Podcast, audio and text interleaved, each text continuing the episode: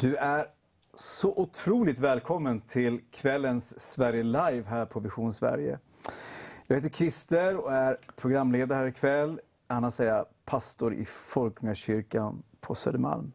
Och jag har två mycket spännande gäster med mig. Först ut ikväll är P.O. Thyrén, en vän till mig, som ni ska få möta. Och lite senare i programmet så kommer också Nils Lidskog, som är präst i Klara kyrka. Eh, jag tänkte först här inleda med att eh, läsa ett Guds ord. Och eh, i Markusevangeliets första kapitel så har vi Jesu inledningsord. Det första som är citerat av Jesus i Markus evangeliet. Och Det jag vill dela med er ikväll det är om Guds rike. Att vårt ärende är Guds rike.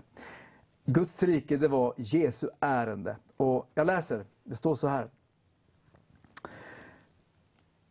Efter att Johannes hade blivit fängslad kom Jesus till Galileen och förkunnade Guds evangelium.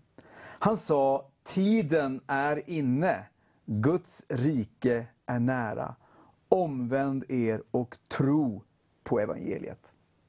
Jag tänker så här att Jesus har längtat efter det här. Det här som händer när Jesus trädde fram efter att blivit döpt av Johannes döparen och den helige Ande kommit över honom och han blir förd av Anden ut i öknen där han prövas på alla sätt. Sen så kommer han tillbaka och det här har Jesus längtat efter. Jesus kom för att göra Faderns vilja. Det som tar sin början här i evangelierna, det är, det är Guds räddningsaktion. Eh, hela jorden är Herren, säger Bibeln. Det är, det är Guds skapelse. Men, men genom synden, genom att människan vände sig bort från Gud, så kom synden in i världen. Och genom människan så kom också synden in i hela skapelsen. Och, och Bibeln säger att, att hela skapelsen blev, blev lagd under förgängelse. Och hela världen är i den ondes våld. Men här, detta scenarium är början på att Gud har sin räddningsaktion för världen, att ta tillbaka skapelsen som kommit in under förgängelsen. Så Jesus säger så här, tiden är inne, Guds rike är nära. Så är det inte någonting som är långt borta, någon dag, utan någonting som redan nu är här. Vi ser det inte till fullo, men redan nu är Guds rike här. Och sen när vi går vidare in i evangelierna så så läser vi om hur Jesus han, han förlåter synder, han, han botar sjuka, han, han driver ut onda andar, han, han kommer med ett glädjens budskap till de fattiga, de marginaliserade får hopp och blir upprättade och han, han uppväcker döda. Det står i Bibeln så här att syndens lön är döden, eh, men Guds gåva är evigt liv. Så det som Jesus ägnar sig åt, Guds rike, vad, vad, har då det att göra med, med kyrka? Vad har det att göra med, med, med, med kristenhet i Sverige 2020? Jag vill säga i allra högsta grad. Syftet med kyrka, jag predikade om det i Folkungakyrkan igår. Syftet med kyrka är Guds rike. Att komma med, med, med, med Guds herravälde, med Jesu herravälde. Eh, det är det som är hopp för människor. Det är det som förvandlar liv och situationer. När vi går vidare här i det första kapitlet så, så kallar Jesus omedelbart lärjungar. Och när vi tänker på den här skaran av lärjungar så, så var det ju inte direkt dreamteamet precis. Utan det var lite av de personerna som ingen annan ville ha. Ingen annan rabbi ville ha de här eh, Eh, lärjungarna, men Jesus ville ha lärjungarna. Och eh, Jag läser vidare, det står så här. När han gick längs Galileiska sjön såg han Simon och hans bror Andreas. De stod och kastade ut nät i sjön, för de var fiskare. Jesus sa till dem, kom och följ mig, så ska jag göra er till människofiskare. Genast lämnade de näten och följde honom. Här så börjar ett äventyr för en grupp unga människor för cirka 2000 år sedan. Det otroliga det är att det här äventyret det fortsätter ständigt. Därför att Jesus han kallar ständigt människor till att följa honom. Jag var en sån person. För 35-36 år sedan så blev jag en, en efterföljare till Jesus Kristus. Och under kvällen här ska ni få lyssna till berättelser där jag alldeles om en stund kommer att samtala med P.O. Och eh, vi kommer också under samtalet komma in på P.O.s omvändelse. Och lite senare också Nils Lidskog. Vad är det som gör att, att en människa börjar följa Jesus Kristus? Jo, det handlar om att det är, det är Gud som är där och drar en människa. Det är, det är Gud som kallar en människa till sig. Det är Guds initiativ. Frälsning är alltid Guds initiativ. Så det här, jag ska snart avsluta min lilla inledning här. Det här med att, att Guds rike måste vara en kyrkas ärende, det är angeläget därför att det var Jesu ärende. Det var det han ägnade sig åt och det är vad en kyrka måste ägna sig åt. Sverige behöver Guds rike. Stockholm, där vi sitter och befinner oss just nu och där jag är pastor, Stockholm behöver Guds rike. Och det är vad en kyrka är kallad att leva ut. Leva ut Guds rike på det sätt som Jesus kom och demonstrerade och levde ut det. När han säger tro på evangeliet, så säger han egentligen till människorna, tro på mig, tro på det som jag uppenbarar för er och kommer med till er. Det vi har som kyrka att komma med, det är Jesus själv. Det är det som är vår produkt så att säga. Det är han som kommer att förvandla människors liv. Amen. Du tittar på Vision Sverige här från Stockholm och kvällsprogrammet Sverige Live. Jag sitter i studion här med Peo. Yes. Kul att du är här, P.O. Thyrén. Ja, men det är riktigt kul att vara här och snacka, verkligen. Gott. Jag tänkte så här, jag har känt dig några år, så, eh, men det finns en del tittare som inte har en aning om vem du är. En del vet vem du är. Men vem är P.O. Thyrén? Ja, det, Vilken fråga. det, det finns mycket. Hela, hela den långa storyn finns i den här boken som jag har skrivit. Men jag gissar att du vill ha ett kortare svar än så. Vi ska återkomma till din bok. Ja, det får vi göra. Ja. Men om vi säger så här, om du skulle beskriva dig själv med tre ord, P.O. Nej, men jag tycker väl att jag ser saker positivt och optimistisk. Så positivt får bli ett ord då. Och sen så tycker jag väl att jag är ganska driven. Och ja, vad ska det tredje bli då? Nej, men jag är väl inte direkt rädd för att ta kontakt med människor och inte så blyg. Nej. Alltid så oblyg. Positiv, Oblyg, driven och oblyg. Ja. Det skulle jag väl kunna säga. ja. Men du P.O., du är ju stockholmare. Ja, det, det är jag Nej. väldigt noga med att jag, uff, Nej, nej, nej. Nu, nu var det, nu var det minerad Nu mark jag måste gick in på vi- här. Nu måste vi backa bandet här. Jag kommer från en liten bruksort Precis. ute på Värmdö som heter Gustavsberg. Det är stor skillnad Och vi faktiskt. var väldigt noga med att vi inte var några 08 för att sommargästerna som kom, det var stockholmare och vi brukade åka in till Stockholm, inte så ofta men kanske någon gång varannan månad eller något sånt där. Mm. Och eh, för ett antal år sedan när riktnumren ändrades innan det Mm. började vara så vanligt med mobiltelefoner. Då fick vi riktnumret 08 och det var vi inte glada över på något sätt. några 08-or? Vi hade 0766 så att jag är inte en stockholmare. Jag har, jag har bott på Södermalm i åtta år Ja. förvisso, men det är länge sedan. Så nej, jag är en Värmdöbo. Ja, just det. Och född och uppvuxen i Gustavsberg. Precis. Jag, jag, jag visste ju det, men jag, jag skyller på att jag är så nybliven Stockholm. Jag är, inte, jag är ju Väsbybo, så jag är inte heller Stockholm egentligen. exakt, exakt. Men du, Gustavsberg, där växte du upp. Kan Yes. du berätta lite om ehm, din uppväxt, P.O.? Ja, det kan jag väl göra. Eh, växte upp med eh, två föräldrar och en sex år äldre syster. Och eh, gjorde såna här saker som alla ens kompisar och klasskamrater höll på med. Det var att spela fotboll och spela hockey. Och sen när jag var ungefär, jag vet inte, 11 år kanske, 10-11 år så började jag lyssna på, på musik, lyssna Mm. på en massa så här glamrock. Eh, Alice Cooper var det första albumet jag köpte, Billion Dollar Babies. Mm. Eh, David Bowie, eh, alla möjliga sådana artister. Och det, det blev ett jättestort intresse för mig med musik, ur att Mm. jag började spela musik själv. Först försökte jag sjunga men märkte att det, det var jag inte bra nog på. Nej. Så då började jag spela något instrument, började med gitarr och, och det var något som ja, men jag la väldigt många timmar på Mm. att hålla på med musik och försöka bli duktig på det. Eh, Blev du uppmuntrad i musik eller försökte man få in det på sporten eller hur, hur var det? Nej, men det fick, jag, det fick jag bestämma själv. När det gäller sporten, eh, så jag var målvakt i både hockey och fotboll. Och i fotboll då gav det sig ganska naturligt då, när man gick upp till att ha fullstora mål. Och om man är cirka 1,70 lång, ja, det är svårt går att bli bra bra. fotbollsmålvakt. Då. Det finns inte de naturliga förutsättningarna.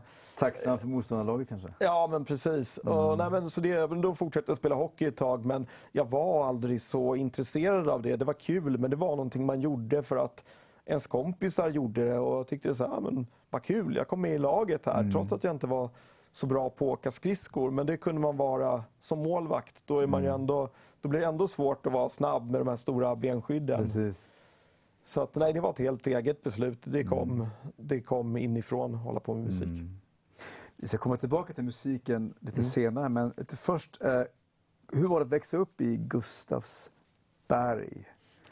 Om du ska säga, vad, vad, vad, vad präglade liksom, eh, uppväxten med, med skola och alltså, hur, hur, var, hur var samhället? Det som präglar Det här är ju Ja. 70-tal, sent 60 Det är 70-tal, jag är född 1962, så det är på 70-talet. Och det som präglade hela, hela Gustavsberg som hela samhället kretsade kring, det var porslinsfabriken. Just det. Så det var den stora arbetsgivaren. Det var 5 000 personer ungefär som jobbade där som mest. Så att båda mina föräldrar jobbade där. Och eh, så flyttade det in folk från en massa länder. Först så här efter andra världskriget så kom det dit en massa italienare för att man behövde arbetskraft. Och så kom det dit jättemånga finnar.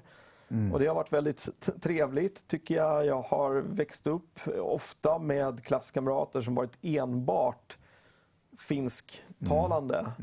Och det har gjort att uppväxten där har gjort att jag snappat upp en del, en del finska och kan beställa mat på finska Oj. och kan lite, lite fraser och sådär. Och Jag kan typ för ett ord, kitos. Tack. Ja, det är väldigt användbart ord. Definitivt. Ja. Så att, nej, men det var väldigt, väldigt präglat av fabriken och det var som ett sorts Eh, alltså det var ju kooperationen som ägde fabriken. Så det blev som ett sorts kooperativt, eh, ganska socialdemokratiskt så här, dröm, drömsamhälle. Jag tror det var en som förebild. Ja, det var verkligen folkhemmet deluxe. Eh, Men så de ägde ju, fabriken ägde allting. De ägde kyrkorna, alltså själva lokalerna som frikyrkorna Oj. fanns i. Och de ägde idrottsplatserna, de ägde jättemycket bostäder. Allting var fabriken. Och då kände man väl lite som uppvuxen där att nej men det här vill inte jag vara en del av. Jag vill bryta mig loss ifrån den här gemenskapen och istället flytta in till Stockholm eftersom jag inte var någon stockholmare då från början. Ja, just det. Men var, var, var det vanligt där, jag tänker på att, att folk som växte upp, de, de, de fick arbete typ i fabriken och sen så var man kvar? Eller var det, var det en viss kategori människor som försvann Det fanns, ja, men det, fanns, det fanns två alternativ. Och antingen var det de som sa så här på högstadiet att äh, men efter nian då ska jag börja jobba på bruket. Och då var ambitionen att då skulle de vara kvar på fabriken hela sina liv som yrkesverksamma. Sen blev det inte så av olika skäl för att det började gå dåligt för fabriken. Men jag sommarjobbade där sommaren, sommaren in, efter nian. Då.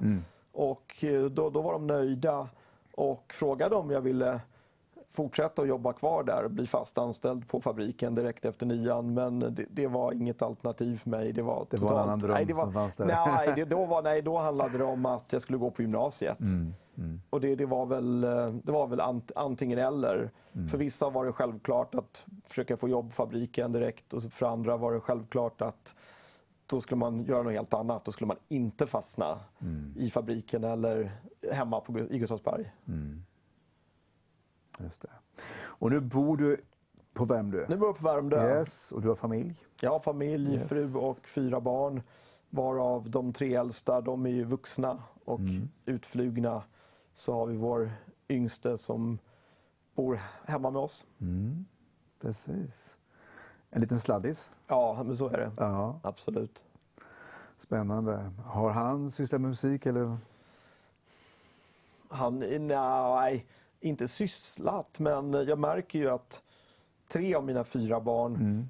de har ju hållit på lite grann och spelat instrument och skulle ha lätt, ganska lätt för sig om de skulle vilja hålla på med det och spela lite gitarr och ta Mm. lite ackord på keyboards och sådär. Men det är ingen aktivt som håller på med musik och de har väl ett hyf- hyfsat musikintresse. Mm. De har, de, det finns lite, li, finns lite fallenhet för det om de skulle vara intresserade. Men Mm. de har prioriterat andra saker i livet. Vilket jag är ganska tacksam för också. Jag förstår det. Ja. Det är som... Eh... Det är en osäker bransch att satsa på musiken. ja, det är det. Ja, det är det. Du, jag tänkte vi ska snart komma tillbaka till musiken. Mm. Eh, för det är och har varit en stor del av ditt liv på olika sätt. Oh ja, och det är det Eh, fortfarande absolut. På, på olika sätt. Eh, du tittar på Vision Sverige och Sverige Live. Eh, jag vill också säga, du som tittar, att vi under kvällen här kommer att be. Det finns möjligheter för dig att dels kan du skriva i kommentarsfält, du kan mejla in, du kan också smsa in eh, bönämnen så kommer vi att be. Och Det finns också ett telefonnummer om du önskar att få be med någon i telefon så kommer det upp här och där du kan höra av dig så kommer människor att be för dig och det behov som du har. Jag är glad att jag sitter här med P.O. Eh, första gången vi möttes vet jag det var i Motala. Ja, det var det. Absolut. Uh, Unplugged-spelning med eh, kompisarna i Big Just på något ekumeniskt event och så här. Och... Sen då senare var du tillbaka när jag var pastor i baptistförsamlingen där och eh, du hade en spelning med, med Noise i Linköping så gjorde du en liten det. avstickare till Motala och, Just det. och eh, körde lite Unplugged och delade av ditt liv. Eh, gott. Och nu sitter jag här i studion med dig. Så är det. Och du jobbar inte långt ifrån mig heller på Södermalm. Du på- Nej, det är rätt, Precis, rätt del av stan. Ja, precis. Eh, Men du, musik är och har varit en väldigt stor del av ditt liv. Eh, Jag eh, som 10, 9-10-åring så var det ett band som många lyssnade på och jag var ett av dem. Eh, Hade ett par plattor hemma. Eh, En kväll i tunnelbanan och eh, Ja, I natt hela stan vår Ja, precis. Du lever bara en gång. Ja, det är alla det finns möjliga många. låtar där. Som, Precis. Men du, eh, vill du dela lite med oss här. Hur började det här med musik? Och eh, ja, vi kan börja från början. Ja, man börjar väldigt tidigt. Nej, men Mm. eh, När vi började lira med det som kom att bli Noisen, då var det ju lite så som när man spelar musik i den åldern, då blir det att man kollar så här, vilka finns i närheten Mm. som också spelar musik. Så då var det dels en kille som bodde några stenkast ifrån mig eh, som spelade piano, som hade ett piano på rummet. Och så fanns det en, typ ännu närmare, fast åt andra hållet, en kille som spelade trummor. Så vi eh, tog med några trummor, det var inte ett helt trumset ens, det var typ en virveltrumma och en cymbal. Kanske en uh, hi-hat, något sånt där, osäker alltså. Upp, bar upp det på rummet och eh, Freddy som han ha- hette som spelade piano där, han var jätteduktig på piano. Och så Robban, min kompis som spelar trummor, eh, han spelade trummor till och jag försökte sjunga till. Och så skrev jag en väldigt märklig låt som handlade om Frankenstein. och det, det är ju så här att min den, min den här boken, den finns ju som ljudbok och där gör jag ett försök att återge den här Okej. Frankenstein-låten. Så det blir väl på den, humorkontot den, hoppas den jag. blev ingen uh, riktig hit så? Nej, den är ju aldrig utgiven och det fanns ingen anledning till att den skulle vara utgiven heller. Men det var ändå början. Ja, det var början och det handlade väl lite också om att skriva musik för att försöka skriva musik för att ha någonting att kunna framföra när man inte fixade att spela några mer komplicerade låtar som någon proffsmusiker hade skrivit. Ett band då, ni, ni, hur gamla var ni ungefär då? Det var Ja, men jag och Robban var 12 Ja. och Freddy ett år yngre än oss. Då. Ja. Så han skulle väl fylla 11 eller vad. Han eh, fyllde år väldigt sent på året så att han var väl 10 egentligen. Så det var ett, verkligen ett litet pojkband. Ja, det var det. Mm. Vilka var era förebilder då? då?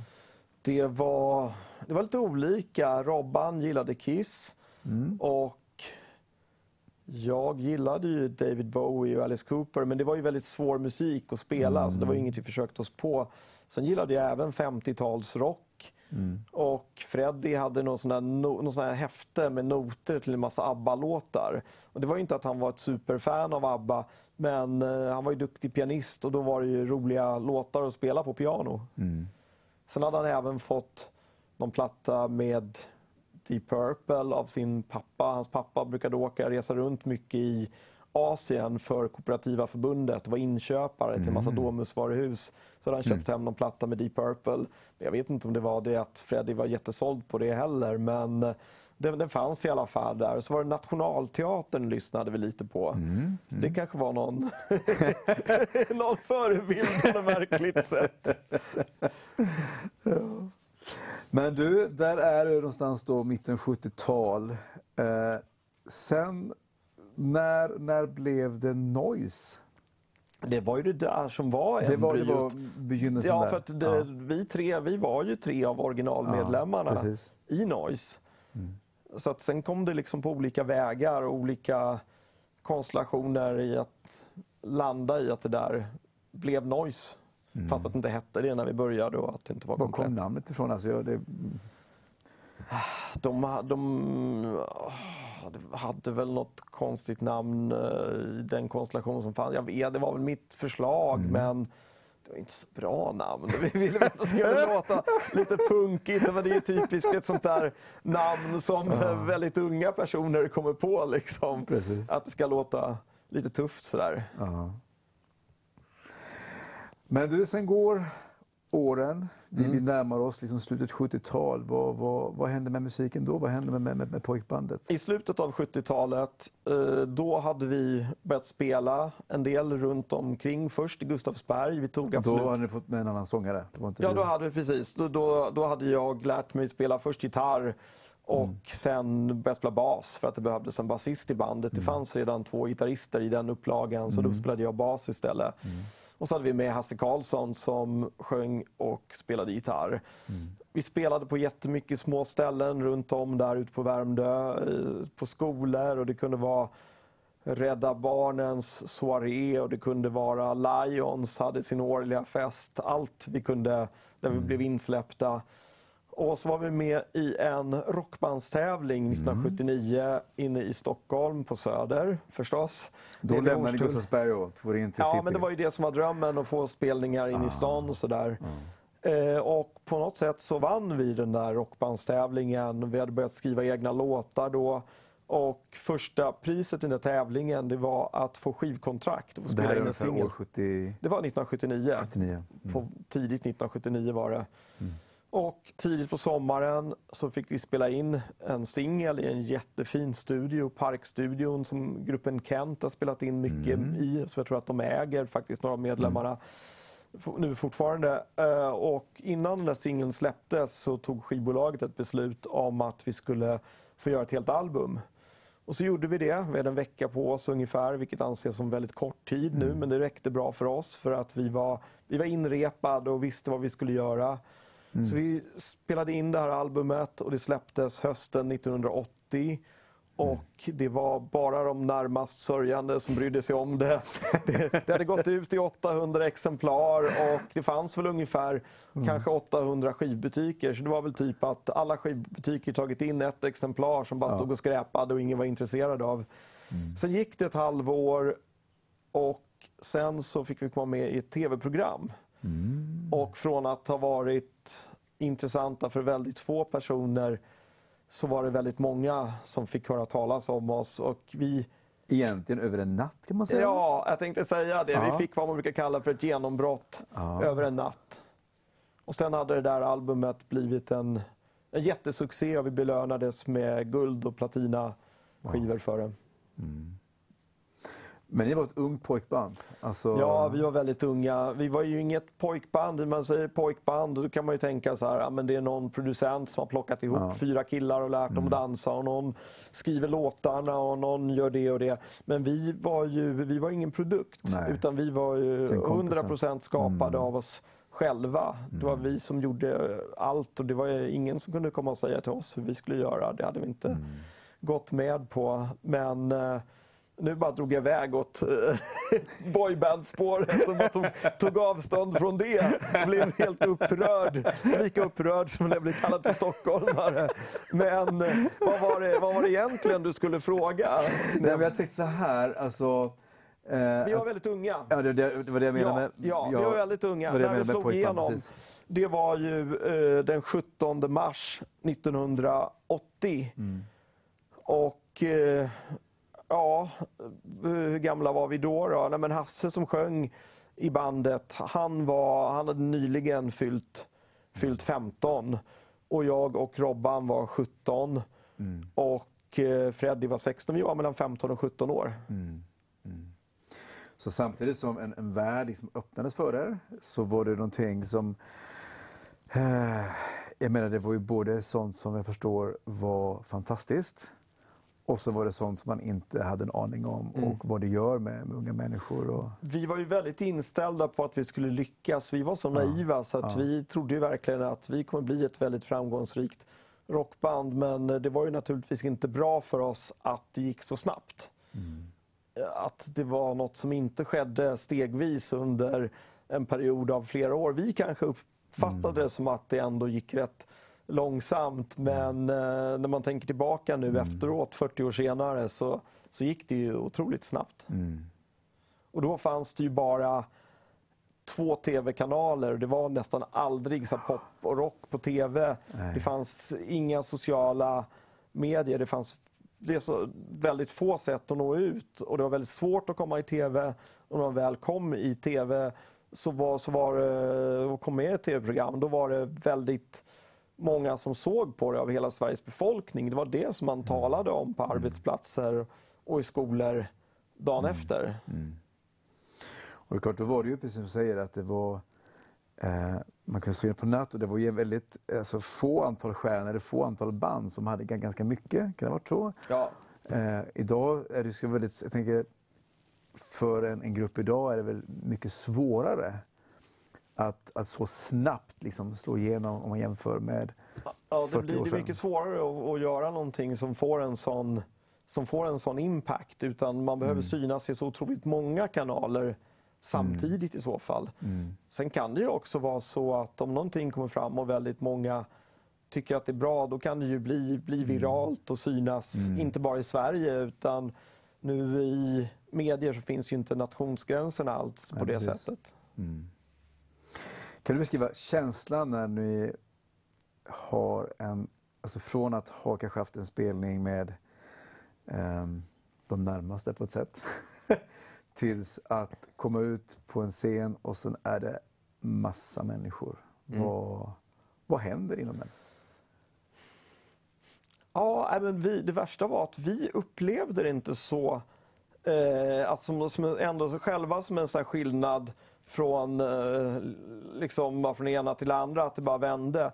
Utan det blev, vi tyckte ändå att det var en stegvis utveckling. Men på sommaren då började det komma väldigt, väldigt mycket folk. Det var ju jätteroligt. Det var ju superkul att spela när det är eh, stor publik och många som kan låtarna och sjunger med i låtarna och sådär. Absolut. Eh, innan vi ska gå in i eh, ett litet reklaminslag. Eh, men, men, och sen så ska vi tala mer om vad som hänt senare i ditt liv. Det finns en väldigt viktig vändpunkt i ditt liv Ja. eh, som jag är mycket nyfiken på.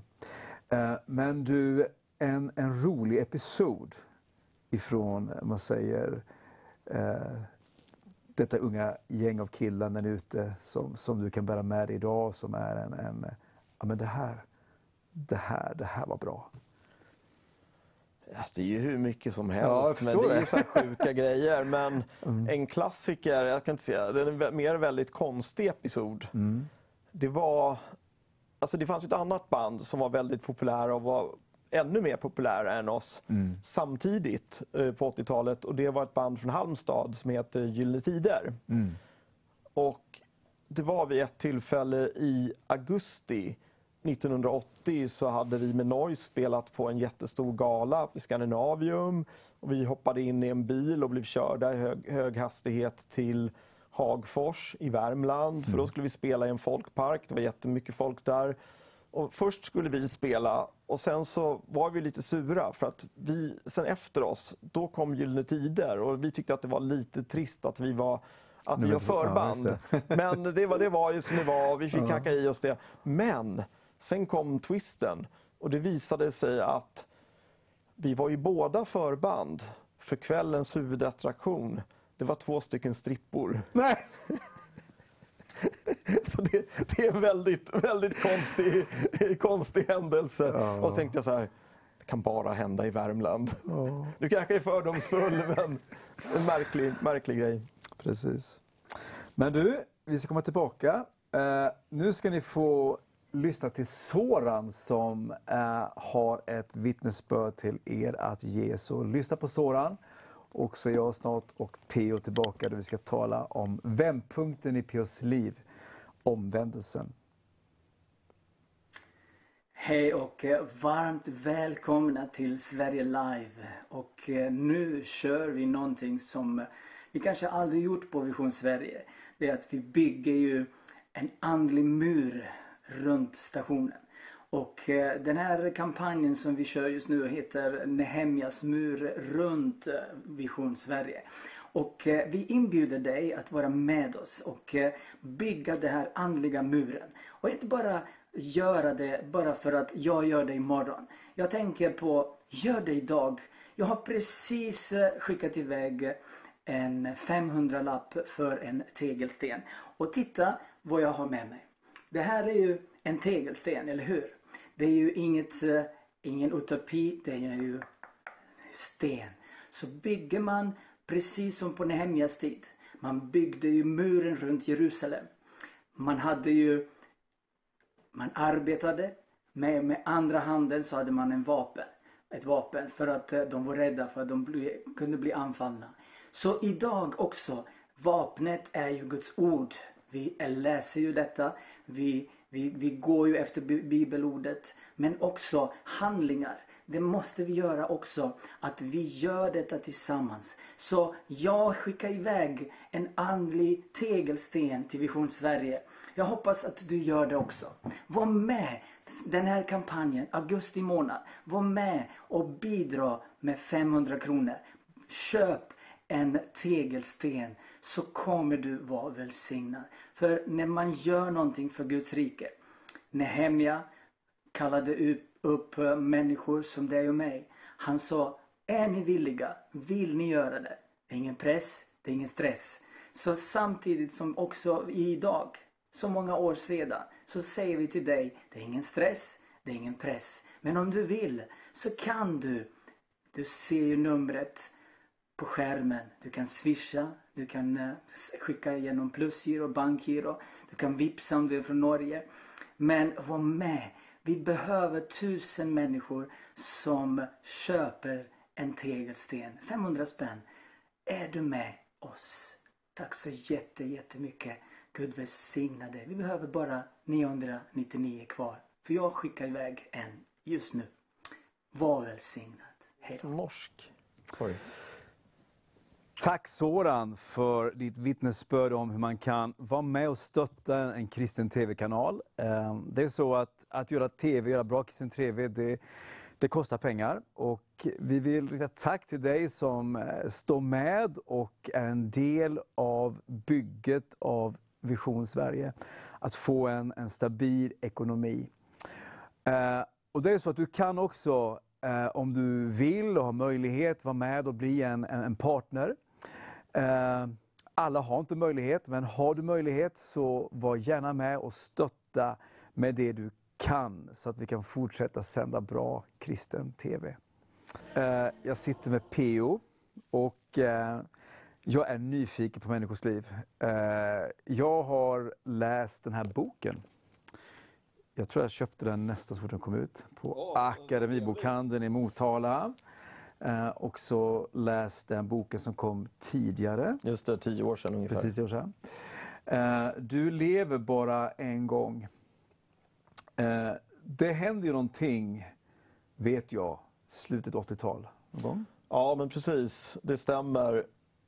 1989 Ja. i maj, då så kom jag till en punkt där jag kände att jag var tvungen att välja, välja väg och välja, välja sida. Och det var en process som hade pågått ett tag. Och det, då, då var det så att jag tog steget och bestämde mig för att följa Jesus Wow. och bli en kristen. Bara, bara för att backa här då. Alltså, vad, vad hade kristen tro för in, alltså, uppväxt och sen så var det liksom musiken, tonårsidol och det här och, och eh, då är också under 80-tal med Miss Action och, och då du, du spelade i Shaboom då? När det här Jajamän. Ja. Men om vi backar här, vad, vad, vad ledde fram till, till omvändelse? Hur, hur började det här med, med, med, liksom, med Gud? Jag hade en kompis från gymnasiet som hade börjat gå i kyrkan och hade blivit frälst. Och det var i en kyrka som det stod ganska mycket om i pressen och sådär. Så det blev jag lite nyfiken på.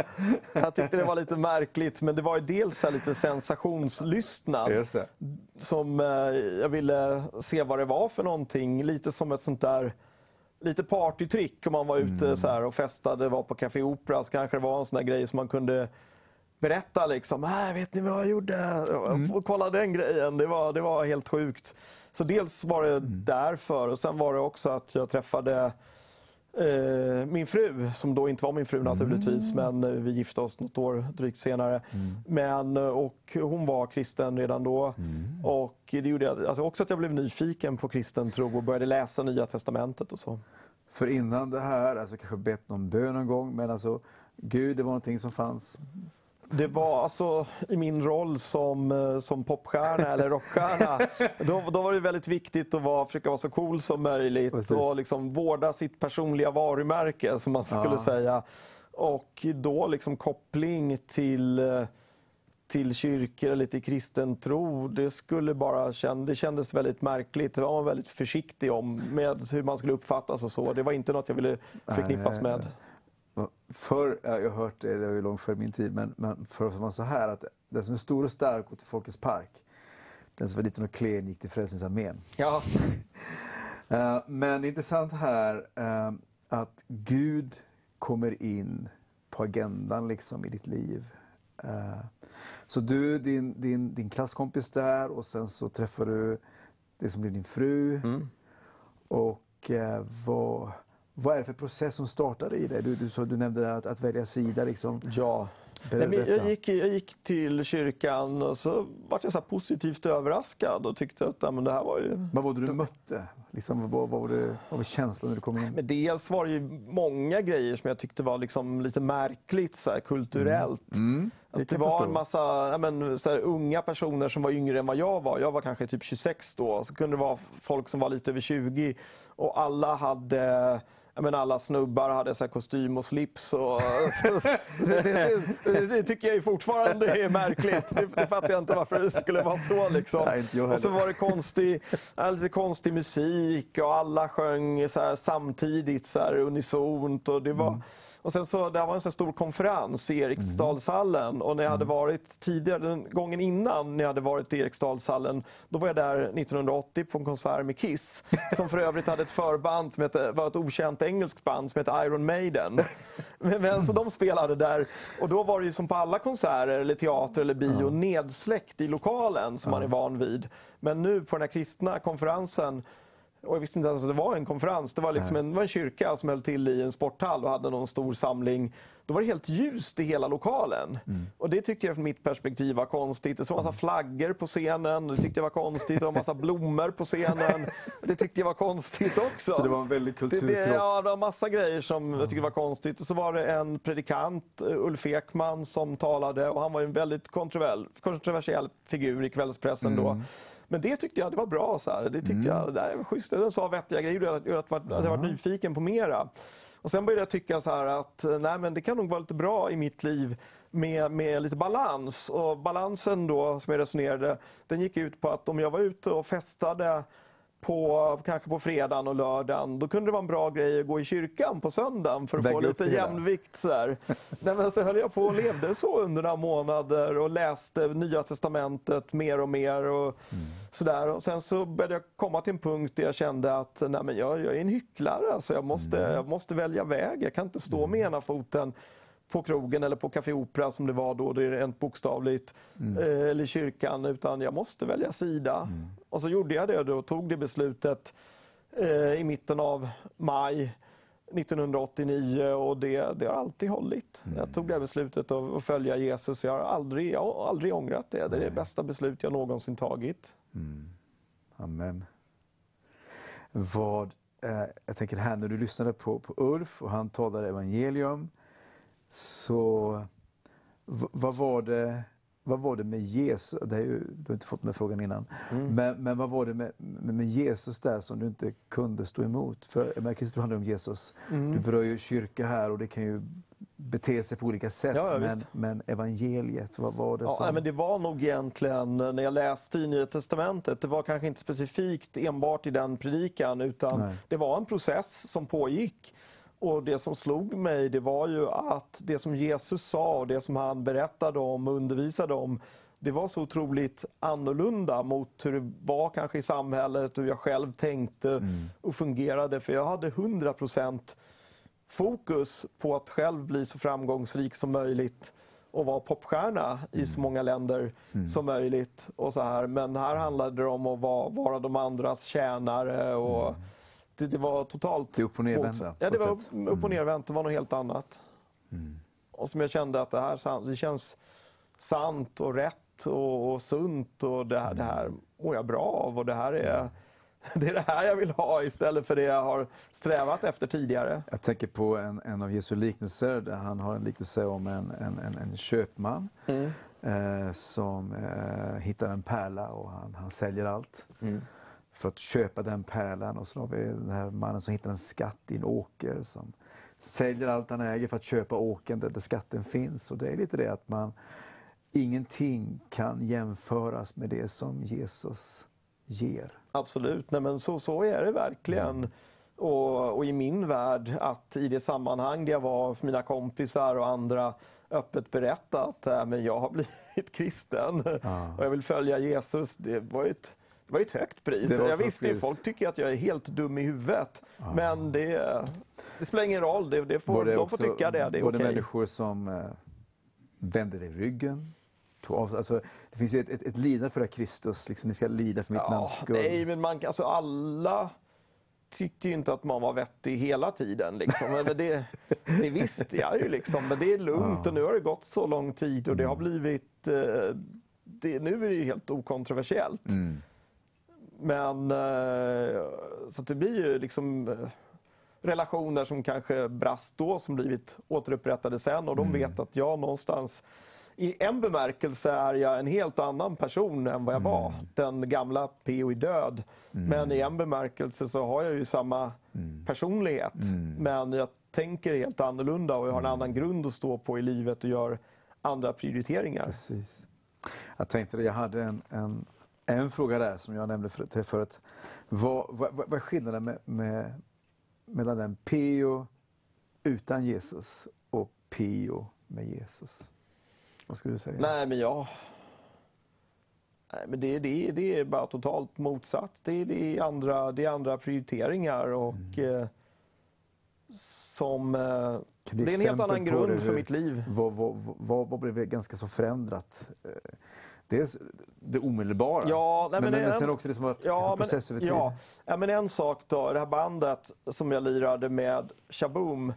Då var det en eh, fotograf som var, av någon anledning hade blivit väldigt arg på, på våran sångare. Mhm. Och så hade han tagit några bilder på honom som ingen ville skulle komma ut. Mm. Och så ringde han till mig efter att jag blivit frälst och sa äh, men nu är jag jättearg på honom för det och det och jag har de här bilderna och jag tänker publicera dem och sådär. och den här fotografen visste ju då hur otroligt viktig karriären hade varit för mig. Mm. Och otroligt viktigt bandet hade varit. Mm. Men nu, nu då så sa jag att nej men eh, ja, om, det, om du vill göra det så tycker jag att det är väldigt tråkigt. Jag tycker det är taskigt att göra det. Jag tror det finns bättre sätt Mm. att lösa den här konflikten på. Och jag fattar att det kommer skada bandet men ja, ja det, Mm. det är som det är ifall det blir så. Och då var han väldigt chockad för att vänta, då höll han på att tappa luren. Så. Mm. För att han visste hur jag hade slagit vakt om bandet och om Mm. karriären.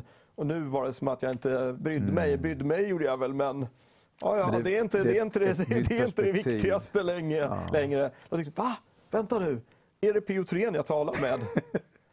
så det är bara ett, Ja. ett exempel. Sen så vill jag väldigt gärna, och det vill jag fortfarande, alltså dela med mig av, av den kristna tron och vad det har betytt för mig. Mm. Och det kan man göra på olika sätt. Och ett sätt som jag gjorde då när jag var nyfrälst, det var att jag, att jag beställde några hundra biblar och delade ut till folk och sådär. Mm. Så jag vet inte vad det blivit för effekt av det, men eh, det är någonting som varit med mig hela Mm. tiden. Att sen jag kom till tro, Mm. det är också att det vill jag dela med mig av. Ett, ett naturligt flöde av liv. Och... Ja, Jag tänker också, jag sitter ju med din, med din bok som, eh, ja, du har själv skrivit den. Jajamän, jag har skrivit den själv. Eh, och den är väldigt välskriven säger jag. Åh, tack för det, det var Eh, snällt. sp- Spännande. Eh, och den här är ju en- bra bok att sätta i handen på en människa som inte vet något om kristen tro.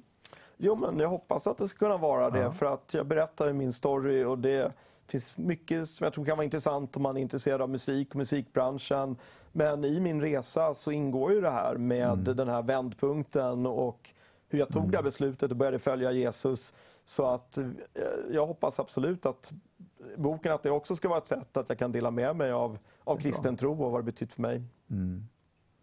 Och också ett stycke lite musikhistoria. Jag menar, det, det, Jo, men har man växt upp med säga. de Ja, där ju. banden och känner till Ja. vad det är för något, då tror man kan tycka att det är rolig, underhållande läsning. Och så lite galna stories också, förstås.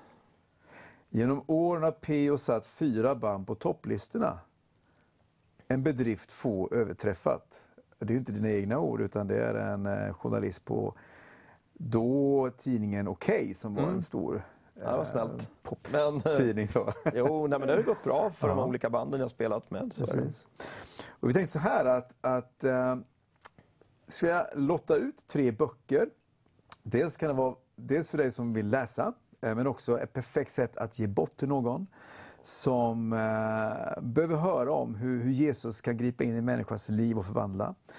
Och du kan göra så här att du skickar ett mail eller du skickar via sms, partner. Eh, Så kommer vi att lotta ut tre stycken exemplar av boken Från noise till nu, du lever bara en gång som är P.O. Thuréns lite av en livsberättelse och med en otroligt viktig vändpunkt, det som faktiskt förändrar allt och det är mötet med Jesus. Så är det. Så är det.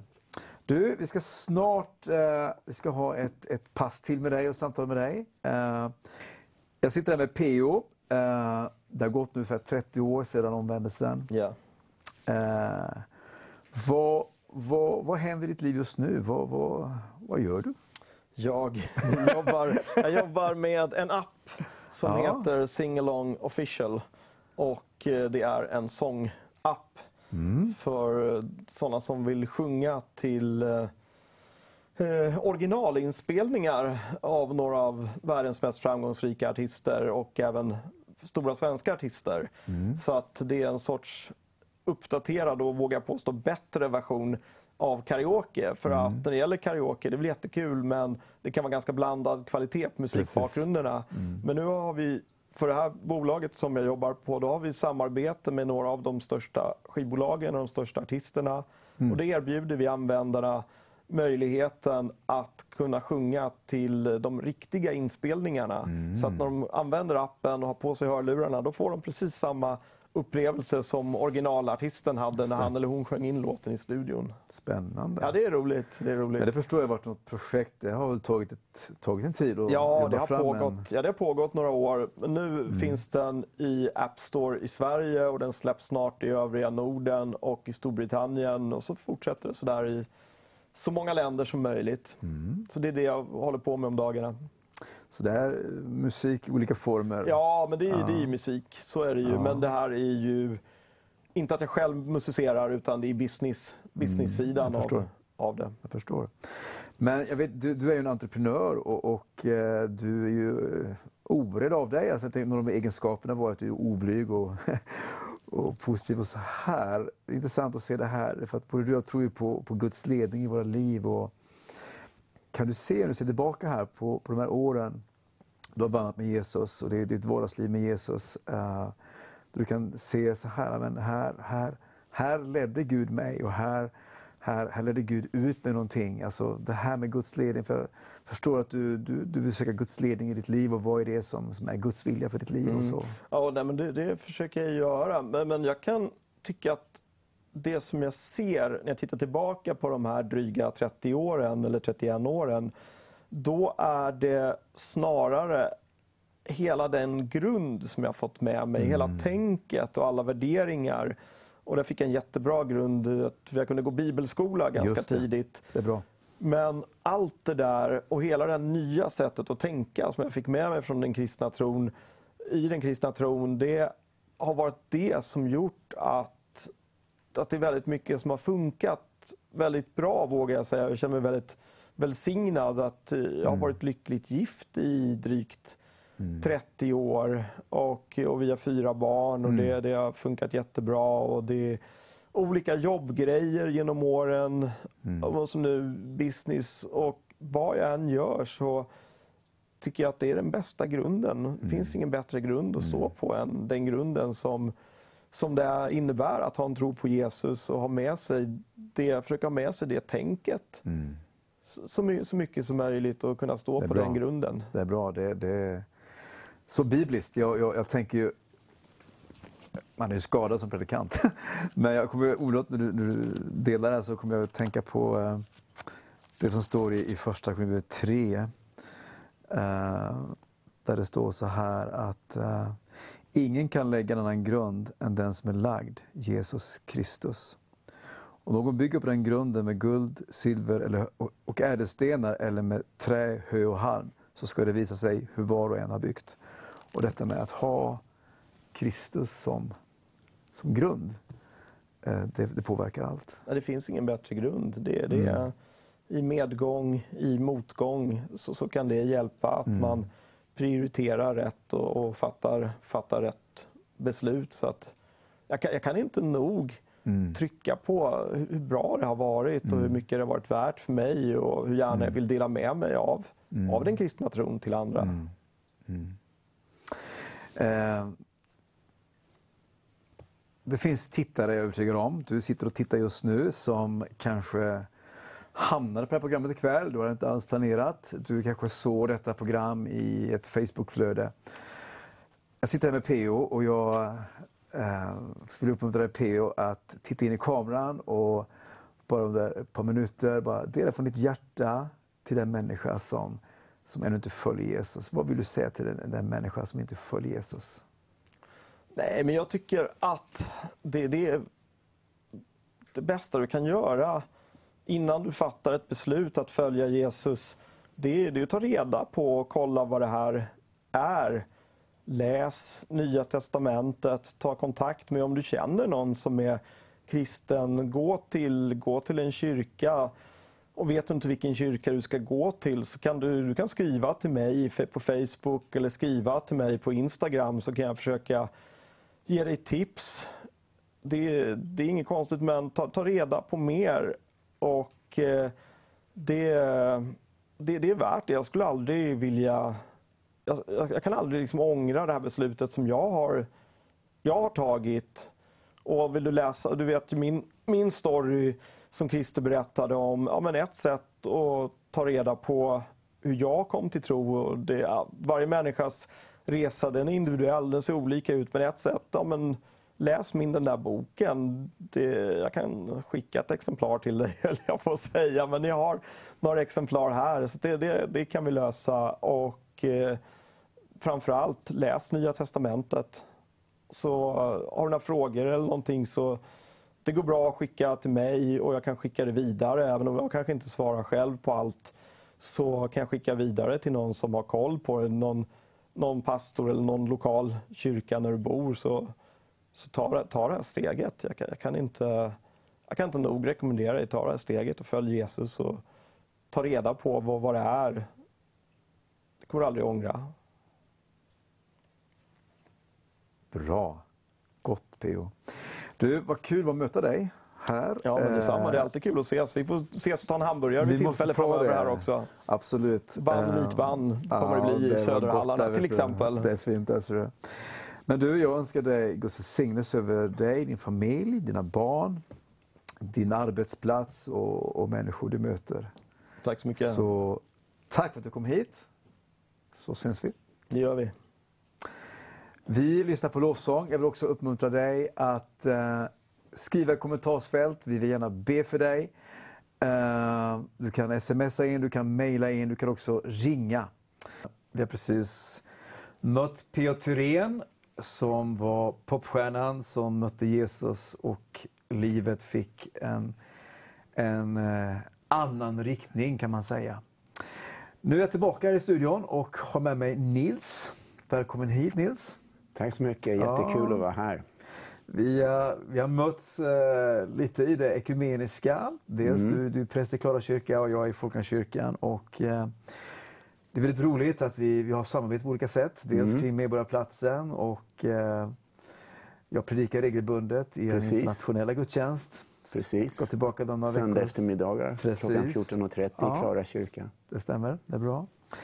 Du, um, för tittare här som eh, följer nu, vem, vem är Nils? Vad kan, vad kan man säga om Nils? Om, om du skulle beskriva dig själv med, med ett par ord, vad, vad, vad är okay. typiskt? Ja. Eh, jag är killen som växte upp i en av Stockholms förorter, Vallentuna. Mm. Och jag eh, eh tyckte allt var spännande och kul. Eh, men under min uppväxt så ja, kände jag väl ofta att man fick dåligt samvete. Mm. man hittade på saker som var för roliga, ja. för spännande. Man kanske provar på och eh, panga någon ruta på något gammalt ödehus som kanske inte var så öde som vi hade inbillat oss. ja. eh, och, eh, ja, det blev lite bus och så här ibland. Men spännande och kul var allting att växa upp i en sån här förort som också var liksom halvt ute på landet. Mm. Precis, det förändras, jag bor själv i en av förorterna, Upplands Väsby, som är ja, ganska nära Vallentuna. Och det, det har ju förändrats mycket. Förr kallade man Väsby för eh, Upplands Lappland har jag hört. Ja, jo, ungefär. Eh, en gång gick jag och en kompis barfota och då var det liksom eh, inte asfalt utan det, det var sån här typ oljegrus. oljegrus. Mm. Och det var en het dag på sommaren. Så att eh, vi fick blåsor under fötterna. Det var svampigt. Oj. Vi gick och liftade och, och lite om vartannat. Mm.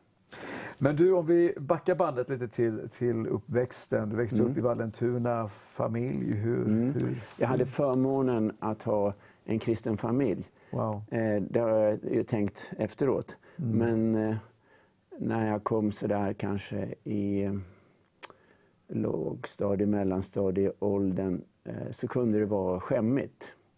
Mm. Jag tyckte det var jättekul. Vi bodde inte så långt ifrån eh, Missionskyrkan. Mm. Först hade jag fått börja gå i söndagsskolan i Vallentuna kyrka och följa med mina föräldrar eh, på olika kyrkor och så här. Men eh, där hade de scouter mm. och det var, det var kul. Mm. Och jobba på, ha yxa med sig ut i skogen. och eh, Lära kniv. knopar? Och... ja, det, jag vet inte om det kan vara så nu, men det var, det var kniv och yxa mest hela tiden. Eh, och vi hade någon sån här kista, en stor låda som vi kunde bära med oss i patrullen Örnen. Mm. Och så var det liksom tävlingar och sånt. Men eh, Det Eh, finns mycket, mycket varma bilder ifrån... Ja, det var, det var fint. Och jag har en bild att till eh, den här missionskyrkan kom det en gång en man som de kallar för evangelist. Eh, vet du vad det är? Ja, ja, precis. Jag känner till det. Och eh, eh, det var liksom eh, knappt några som kom. Det var liksom, som jag tyckte, de, de gamla som satt och lyssnade. Och jag råkade vara där. Och jag bara stannade och stannade för jag tyckte det var så bra det han sa. Det liksom eh, rörde mitt hjärta. Så jag gick hem och sa till eh, eh, mor och far. Och eh, de tyckte att det var ett bra initiativ. Så också mina två äldre syskon, eh, Niklas och Maria, de fick också hänga med och sitta där. Och jag tyckte, liksom, jag tyckte det var bra. Jag satt liksom längst fram. Lite action kanske? Eh, Nej, det Nej. var det nog inte. Men det var liksom en, en snäll farbror som talade på något vis till hjärtat. Ehm, Så det var, och så handlade det ju om Jesus då förstås. Så det var kul. Ehm, Sen var det ju lite skämmigt då. När jag någon gång började i sexan, då, tyckte jag, då hade jag fått nog av scouterna och kyrkan. Eh, På första träffen den hösten så hade jag med mig mitt eh, lilla luftgevär lite bakom jackan. Och när det blev någonting, att vi skulle eh, göra någonting utanför, liksom, så tog jag fram och, och sköt lite. Och då liksom blev jag portad från scouterna. Och det var ungefär det jag tyckte var kul. Nu gör jag något annat istället. Så du ville få en anledning att lämna scouterna? Och kyrkan där. Ja. Men eh, här inne i hjärtat kunde jag aldrig lämna det, även om jag Nej. liksom, eh, under högstadiet... Liksom, eh, jag kunde inte kanske säga att jag eh, inte trodde på Gud. Jag kunde säga det till mamma när jag ville diskutera med henne någonting. Då, då.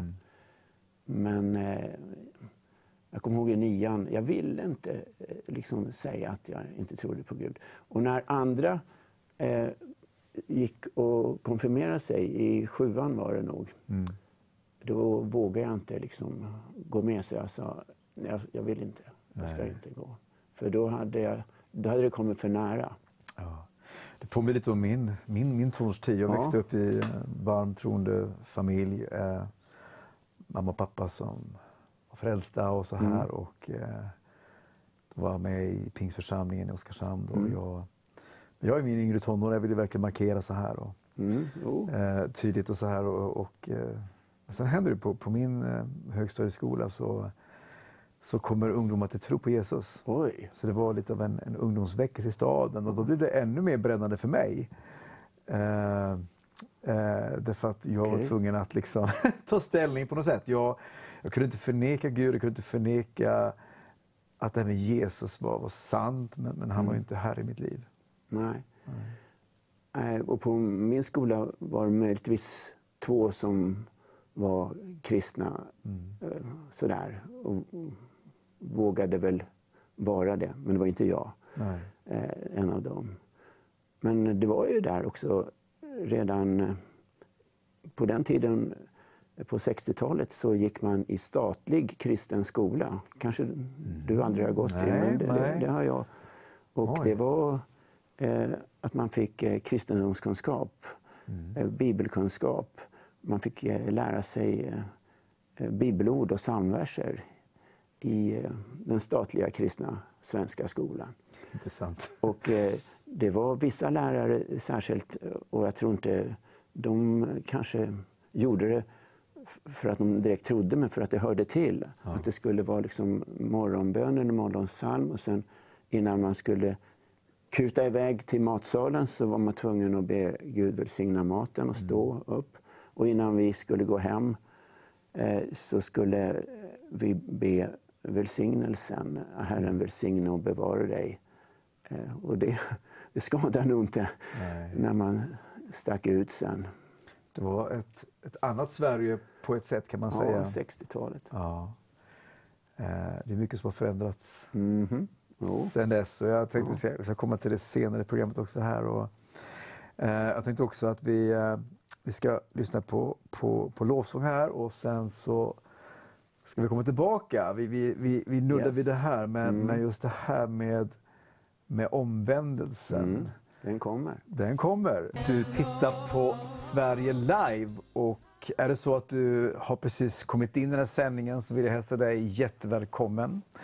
Jag sitter här i studion med Nils Lidskog och eh, du har berättat lite om uppväxten i Vallentuna. Yes. Eh, och vi, vi snuddade där, liksom vid, vid tron. Du som en liten pojk, du, eh, du hamnade på ett, ett möte i Missionskyrkan där och en evangelist talade och det appellerade till dig och så. Men jag tänkte vi skulle samtala om det här med din, din väg till tro, alltså omvändelsen, vändpunkten i ditt liv. Vad, vad ledde fram till att du blev frälst, Nils? Ja, Eh, det där dåliga samvetet. eh, Jag var ju älskad och, och sådär hemma och eh, sen försökte man vara eh, poppis i, i skolan eh, på alla sätt och vis. Eh, liksom eh, lyssna på all häftig musik. Apropå P.O. eh, Thyrén som var här tidigare så eh, jag hade också ett källarband. Åtminstone med mig själv. Och i bästa fall min storebror. Och eh, ja, någon annan kompis också försökte eh, göra lite musik. Och vi, vi kallar oss också för Noise. Så ni var före på det Ja. namnet? Precis. Eh, Någon gång slutet av 60-talet där. Men eh, eh, en, en annan grej. ehm, eh, man var trött på sig själv på- ett sätt. Eh, att man inte alltid var ärlig. Inte för att man kanske direkt eh, blåljög, men man sa inte hela sanningen. Vad, vad, vad, är det, vad är det för ålder du... Ja, nu är jag nog eh, 16 år och har börjat på gymnasiet också. Och eh, då under några år så kom ett starkt politiskt intresse. Att eh, tro att eh, man ja, sk- skulle kämpa för att kunna verkligen förändra och förbättra den här världen. Man såg hur snett det var, hur mycket ont det var, orättvisa och allt möjligt. Så jag kämpade på i ett politiskt ungdomsparti. Liberal ungdom hette det. Och vi startade en sån förening. Eh, så ändå så sökte jag, jag hade en, eh, en kusin som gärna gick i kyrkan. Och eh, han bjöd med mig en gång till en kyrka inne i Stockholm. Och eh, någonstans här inne så både ville jag men inte ville. Så det var kamp. liksom en kamp där. Eh, Det där med liksom eh, frälsning. Jag menar, i skolan hade vi fått lära oss också ett bibelord som var bra, men det var ju läskigt. Ty så älskade Gud världen eh, att han utgav sin enfödde son. Att var och en som tror på honom inte ska eh, förgås eller gå under, utan ha evigt liv.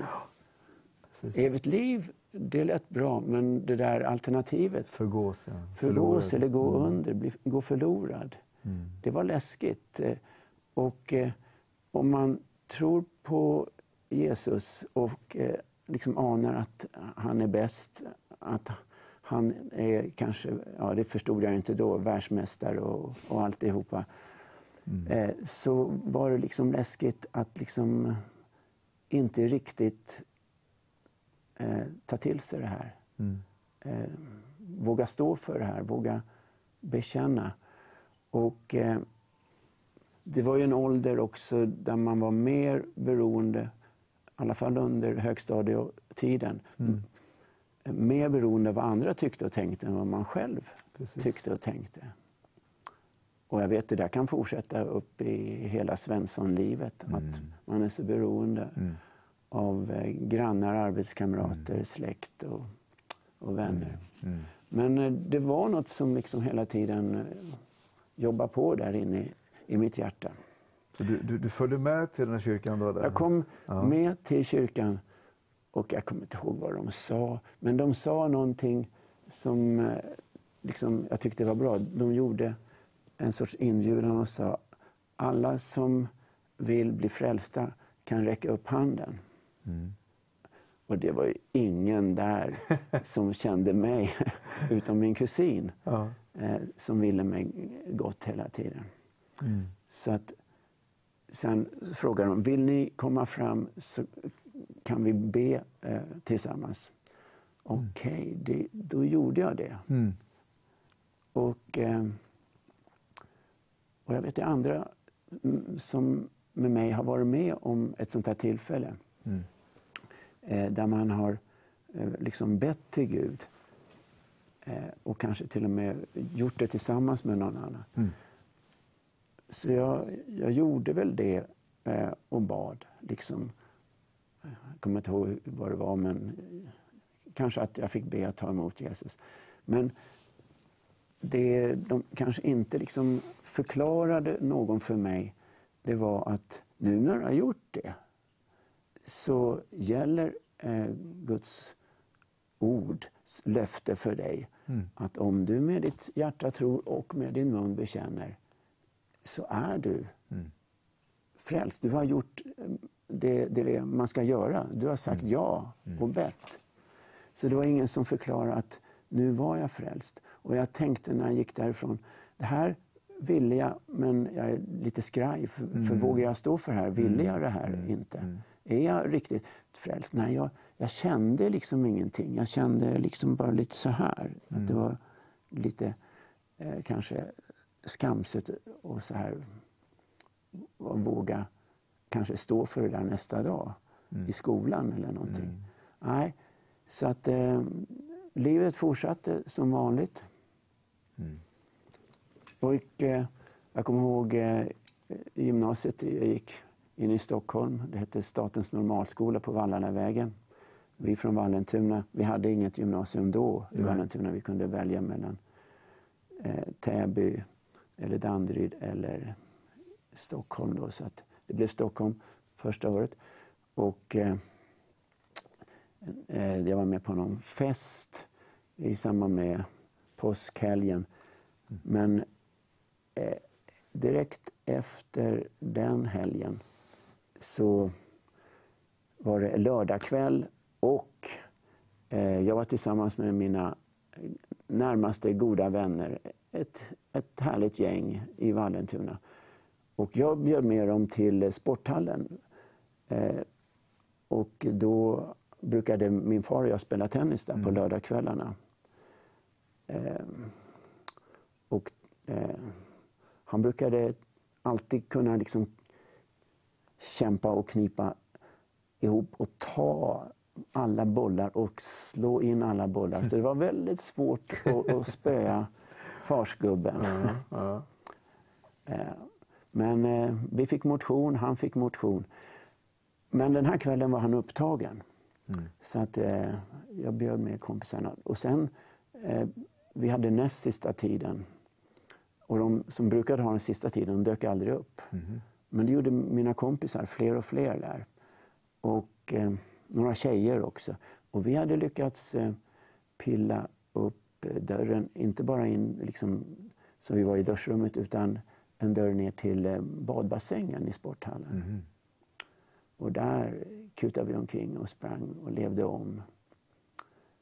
Och eh, sen eh, plötsligt när vi stod där i duschrummet och höll på, då eh, så stod jag naken där och någon eh, lill busa och bara smällde upp dörren och jag skrek och liksom sprang och liksom skulle skydda mig för det var några ute i, i omklädningsrummet. Men då halkade jag så illa på det där våta duschrumsgolvet så att jag halkade med eh, ena benet först in i en glasruta, Oj. en glasvägg som var framför duscharna. Oj. Och det var sån här ståltrådsarmerad rutnät i glaset. Mm.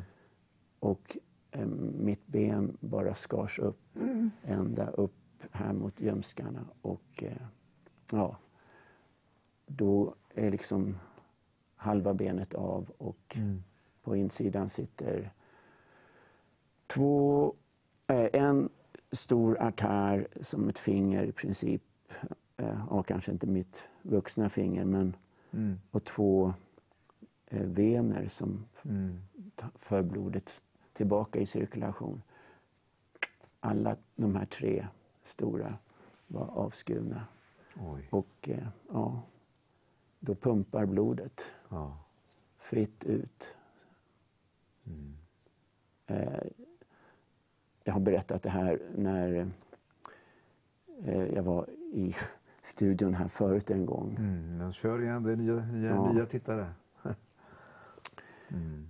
Kristoffer Ahlbäck intervjuade mig och Linn eh, för något år sedan. Men eh, i den stunden och eh, liksom i, i en persons, en persons dödsögonblick eller när man möter döden, vad gör man? Mm. Mm. Alltså det här var ju det som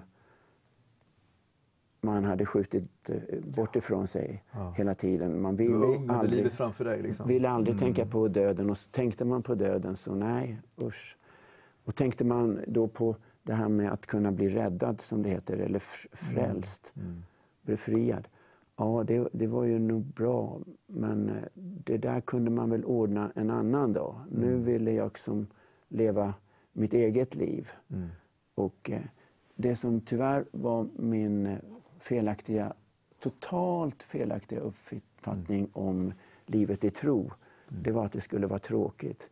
Kanske mest för att eh, de kyrkor jag di- dittills mest hade varit i var inte särskilt eh, roliga. Mm. Det, det, och jag, jag kände liksom eh, egentligen inga andra kristna än de, mina kusiner som var jätteschyssta, jättebra och så.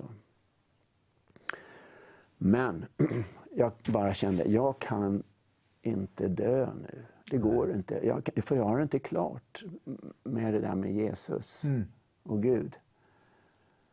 Så det var tanken, det bara for? Det, det var direkt, Ja. nu är min liksom stund kom, nu gäller det. Och jag, jag, jag liksom klämmer fram direkt inför mina kamrater. De står Ah. bara och kollar på vad som händer.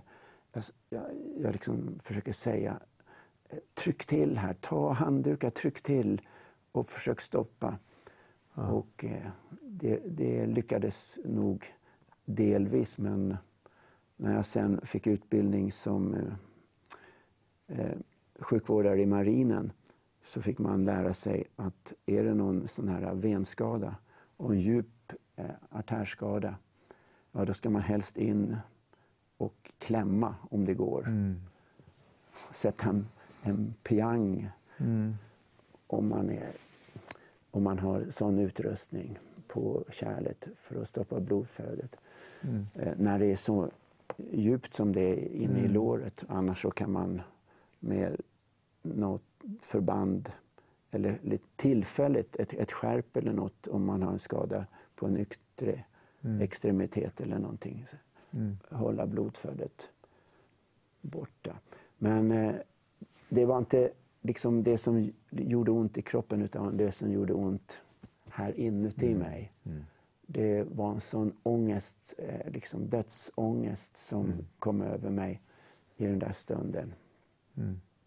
Men jag klämmer fram. Om jag dör nu Mm. Så får ni säga till vem som helst att Nils Lidskog ville vara en kristen. ja. Det var bekännelsen. Ja. Och eh, jag visste ju inte att det är precis det som faktiskt eh, Bibeln beskriver. Mm. Paulus förklarar att om du med ditt hjärta tror och med din mun bekänner Mm. Jesus vara Herre, då blir du frälst. Ja. Då blir du räddad. Mm. Eh, så att jag gick bara liksom och trodde och trodde inom mig men jag hade inte tagit riktigt eh, en ställning och bara bejakat Jesus och sagt okej okay, Jesus, jag är med. Jag, jag är på. Jag, jag, jag säger ja tack till dig. Det hade jag aldrig gjort och aldrig bekänt. Om ni, det är ett annat bibelord, Jesus säger också till människor, den som bekänner mig inför människor, mm. honom ska jag bekänna inför ja, min precis. fader i himlen. Mm. Den som förnekar mig inför människor, honom ska jag förneka. Inte som att han vill det, Nej. utan det är liksom, du slipper undan det ondas grepp mm. när du säger ja till Jesus precis, precis. och vad Jesus har gjort för dig. Det förstod jag inte då, Nej. men det förstår jag ju nu. Mm. Att det är det som eh, får det onda att släppa taget. All skuld eh, att släppa taget och förena dig med nåden som Jesus ger. För han är ju den som har mm. redan tagit allas straff, allas mm. betalat för vår skuld. Mm. Det där med synd, det är inget problem. Nej. Utan det har, har Jesus redan eh, ordnat med och Amen. betalat. Underbart. Du, vi ska komma tillbaka. Uh, vi ska göra en liten paus här och lyssna på ett lovsång och vi ska få uh, ett vittnesbörd av Christian. Men vi kommer tillbaka och då ska mm. vi tala lite mer om, om, om kallelsen. Mm. Dels varje kristen har en ny kallelse men också din personliga kallelse mm. och uh, prästtjänsten. Ja. ja. Kul. Men nu lyssnar vi till Christian och så är vi snart tillbaka här. Christian Wennersen heter jag en av programledarna för Vision Sverige. Just nu har vi en kampanj och eh, vi tänker på den här fantastiska berättelsen om Nehemja. Nehemja, han pratade med sin bror och man gnällde och klagade över hur dåligt tillståndet var i landet. Men Nehemja, han tog mod till sig, han började söka Gud och så fick han en idé. Herren ingav honom att vara med och bygga upp muren igen för Jerusalem som ett beskydd runt omkring staden för att den skulle kunna vara till välsignelse. Nu behöver vi ett beskydd. Vi behöver ekonomi som kan bygga upp kanalen TV Vision Sverige och vi behöver just din hjälp och min hjälp så att vi tillsammans kan vara med och bygga upp genom att ge 500 kronor Tusen stycken givare skulle vara en fantastisk start och början och du kan också vara med. Vi tror att den här kanalen kan vara till ännu större välsignelse, att den kan utvecklas ännu mer för att dela evangeliet i den helige Andes kraft. Var med du också och ge 500 kronor. Tack Christian för det du delade. Och jag hoppas att det är flera som upplever att vi vill vara med och säkra en god ekonomi eh, för kanalen så att vi kan ha bra kristen TV, att vi kan nå ut till människor i Sverige med evangeliet om Jesus. Eh, jag sitter här med, eh, med Nils och vi samtalar här om en dramatisk omvändelse. Mm. Verkligen. Och i, i samma nu så, så påbörjade det eviga livet kan man säga. Det är så. Precis. Och no longer slave, inte längre slav. Oh. Alltså, jag var som det står uttryckt i Hebreerbrevets andra kapitel, kanske det åttonde versen eller någonting. Jag var en, som många andra, en slav under fruktan för döden. Mm. Eh, även fast jag tänkte, nej jag fruktar inte. Mm. Jo, så gjorde jag visst mm. det. Men eh, direkt mm. när jag vaknade upp nästa morgon på intensivvårdsavdelningen på Danderyds sjukhus. Eh, de hade försökt göra vad de kunde och mm. operera. Och eh, överläkaren där i kirurgi, han lyckades sy ihop först wow. artären och sen de två venerna. Och det var kinkigt, mm. berättade han. Det var mm. inte lätt. Och efter tre timmar så fick de puls upp, upp trycket. Jag var ju i väldigt eh, dåligt tillstånd. Det mm. hängde, mitt liv hängde verkligen på en tråd. Mm. Sen försökte de en halvtimme till plocka glassplitter och jag hade eh, 18 andra eh, sår som syddes. Förutom det här eh, Ja, djupa kärlsåret. Så att eh, när jag vaknade på morgonen så kommer min morbror, min älsklingsmorbror Paul. Han kommer in. Han eh, jobbade vid Lantmäteriet. Eh, min far var också lantmätare i, i botten. Även om han mest var engagerad som kommun och landstingspolitiker. Men eh, eh, morbror Paul, eh, det är underbart att vara frälst. Och det är det första jag säger när jag mådde dåligt och låg Ja. I en ställning uppkopplad till slangar och eh, fick inte röra mig. Jag mådde så bra. Och eh, jag mådde dåligt liksom, eh, eh, i, i kroppen, va? men här inne i hjärtat. Var det själsfrid? Och sen dess har jag aldrig varit rädd s- på det sättet för döden. Jag, jag vet att jag har det där. Ja. Detta har jag skrivit till er. Och det skriver alltså lärjungen Johannes sen. Efter han har skrivit sitt evangelium så skriver han några brev. Sitt första brev 5 och 13. Detta har jag skrivit till er för att ni, ska, ni som tror på, på Jesus, att ni ska veta att ni har evigt liv. Ja, men. Och jag vet inte, men jag bara visste. Det, det, det är klart, det är lugnt. Ja, Och där, där börjar äventyret. Hur bra det var och hur, hur, lite eh, liksom, skämmigt det var. Jag, det, det var inte ett dugg. Jag har aldrig skämts Nej. för det här som jag innan skämdes för, men ville tro på. Men hur häftigt, hur spännande, eh, hur otroligt skönt det här kristna livet liksom sen visade sig vara. Att man var älskad för den man var. Att man var förlåten, att man var en ny människa, en ny skapelse.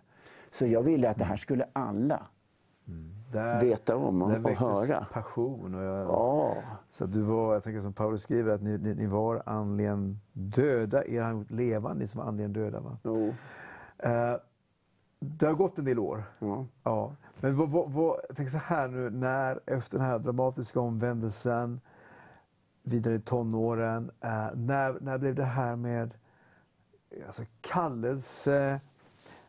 När, när började det liksom bli mer tydligt? När började du uppleva att, att Gud har talat till dig? Eh, vad, vad, dela Mm. Ja, vidare. det, det var ju liksom, det här var ju grejen. Det här var livet. Och, och få chans att berätta om det här. Så det gjorde jag ju nu, till höger och vänster. Det är tidigt 70-tal vi pratar om nu då. Ja, det är, det är 1970, det är 50 år En sedan. bra årgång, är min. Jag är född då. Mm. Så då bara... em, mina kompisar som var med den där kvällen, eh, jag, jag berättade för alla. De kom till sjukhuset. Jag låg eh, på Danderyd sen två och en halv månad tills jag bönade bad när, samma dag som eh, det blev sommarlov. kan jag inte få komma härifrån? Eh, och eh, jag hade bönat kanske någon vecka innan och jag fick det då samma dag som det blev sommar. Då. Men eh, oj, oj, oj, det var roligt. Och eh, mina kompisar på landet, när, när jag var ute igen då, träffade dem där. Vi var ute och, och seglade jolle och, och hade kul. Men jag berättade till höger och vänster för alla där nere i Källvik, i Trosa. Och alla i, i Vallentuna, de visste ju om det här. Ryktet hade gått.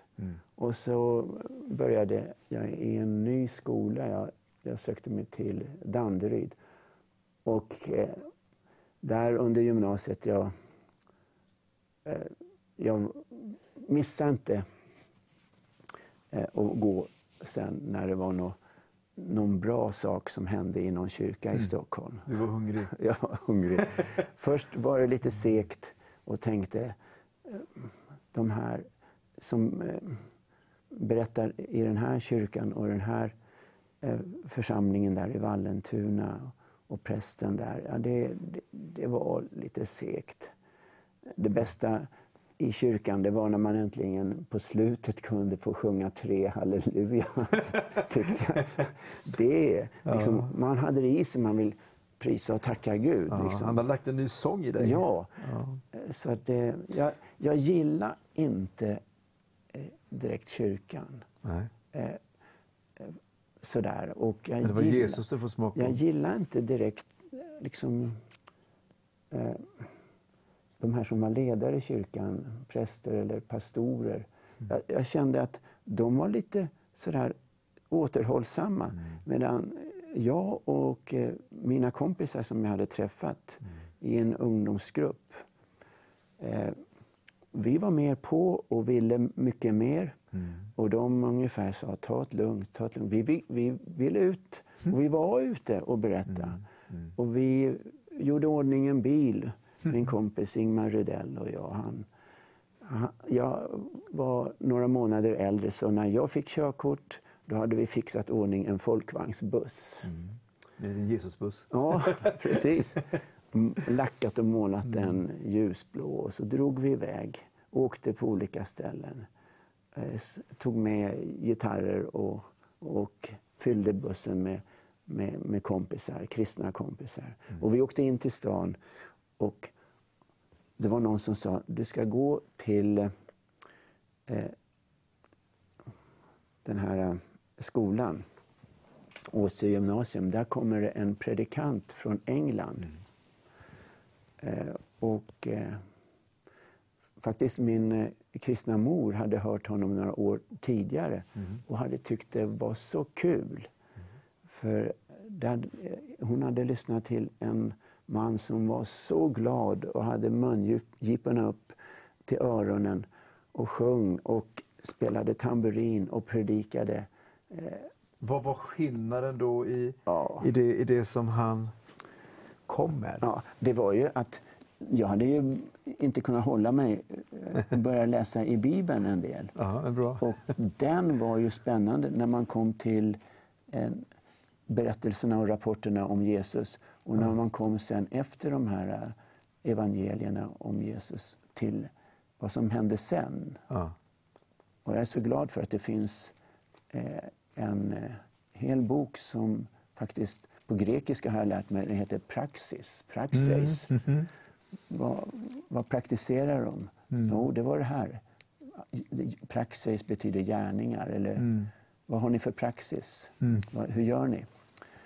Och då var det ju hur spännande som helst att läsa när Jesus hade lämnat över till lärjungarna, det här gänget som hade liksom haft det svårt sista, gäng, sista natten med gänget och Jesus. Eh, De var ju så oroliga och osäkra på alla sätt och vis. De blev uppfyllda av eh, eh, något som heter Guds ande. Jesus säger några dagar här, gör ingenting nu, stanna här tills ni blir uppfyllda av helig ande.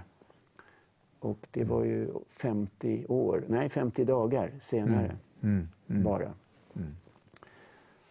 Och eh, då upptäckte de att de hade förmåga att eh, inte bara be eh, med sitt vanliga språk.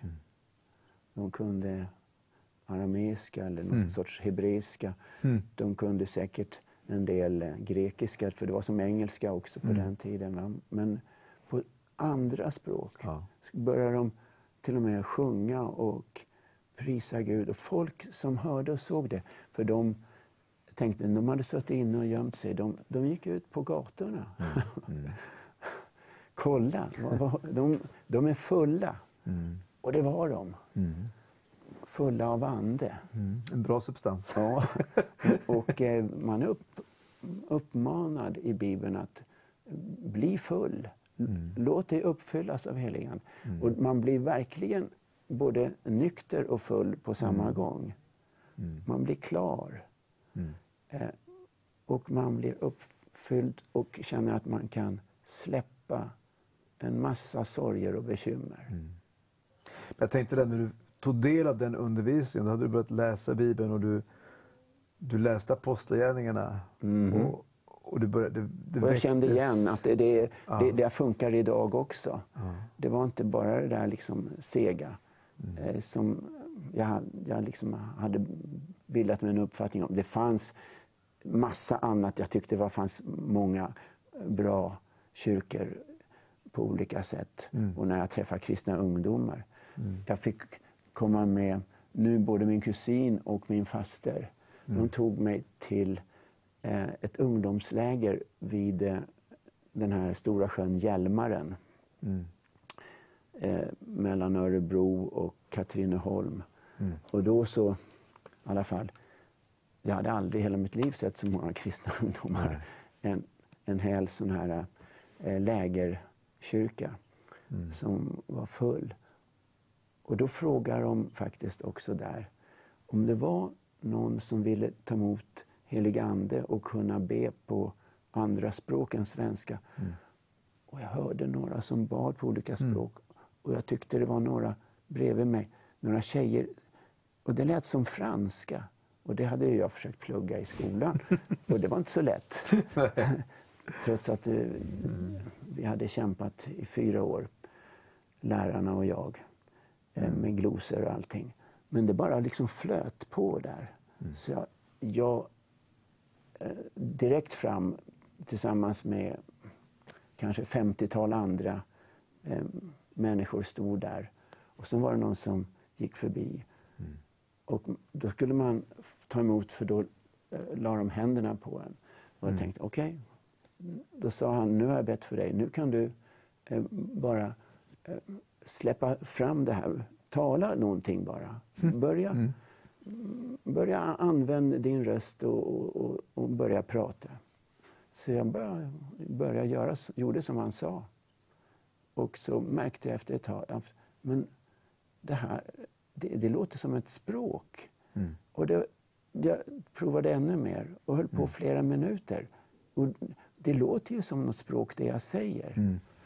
Mm. Kanske var lite enkelt, men det var någonting. Och, och ju mer jag liksom tänkte det här är ju fantastiskt, så fortsatte jag. Och då prövade jag och då blev det ännu mer. Så jag tyckte det där var en sån övernaturlig, fantastisk grej. Wow, spännande. Du vi ska strax komma tillbaka och då ska vi samtala om eh, lite vad du står i i många år. Präst i Klara kyrka och arbetet. Eh, spännande att få vara Jesu händer och fötter. Och, eh, när du också kommer tillbaka, när vi är tillbaka här så ska du få, få, få tala en stund till tittarna här. Jag sitter här i studion med Nils och eh, under lovsången här så har vi mycket spännande samtal. Eh, du är präst sedan många år i, i Klara kyrka och eh, relationen till Svenska kyrkan det var lite fram och tillbaka. Men, men Gud kallade tillbaka in i Svenska kyrkan, i, i prästtjänst. Eh, det vi, satt och samtalade om här så berörde du när du var präst nere i Salems kommun. Dela lite, vad, vad, vad, fick, vad fick du vara med om där bland, bland eh, skolungdomar framförallt? I och med att vi satsade väldigt mycket eh, då på 80-talet att eh, inbjuda alla som skulle gå i åttan att få vara med om eh, konfirmation. Då man eh, har två terminer, hösttermin och vårtermin, där man får träffas varje vecka.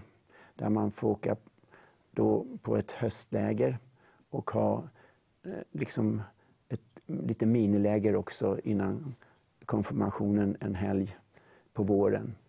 Då fick vi chans att inte bara försöka tala om något tråkigt och dammigt som står skrivet i en bok. Utan att eh, förklara eh, grejen med Jesus. Och eh, alltså konfirmation, det är en sån bra grej.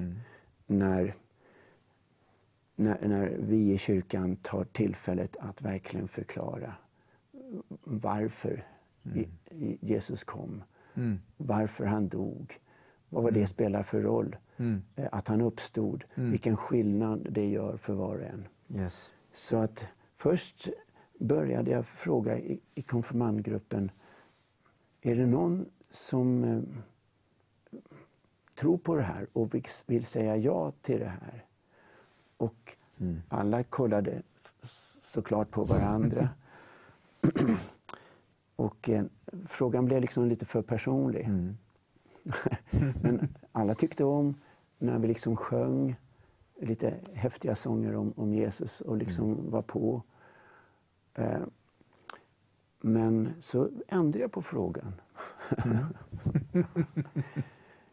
är det någon här som faktiskt eh, inte, faktiskt efter när jag hört allt det här och förstått det här, är det någon som inte tror längre på Jesus? och det var, ett, det var också tyst. Ja. Det var ingen då heller. Nej. Ja, men då så, då kör vi. Ja. Och sen från, från den gången i början av höstterminen så hade vi typ lärjungeträning. Att nu ska vi göra som Jesus gjorde med lärjungarna. Han förklarade det ena efter det andra hur, hur det funkar i det kristna livet och vad det innebär. Nu när du har bejakat, sagt ja till Jesus, då har du att inse att du har ett nytt liv. Du har ett, ett eh, evigt liv. Du behöver inte vara rädd.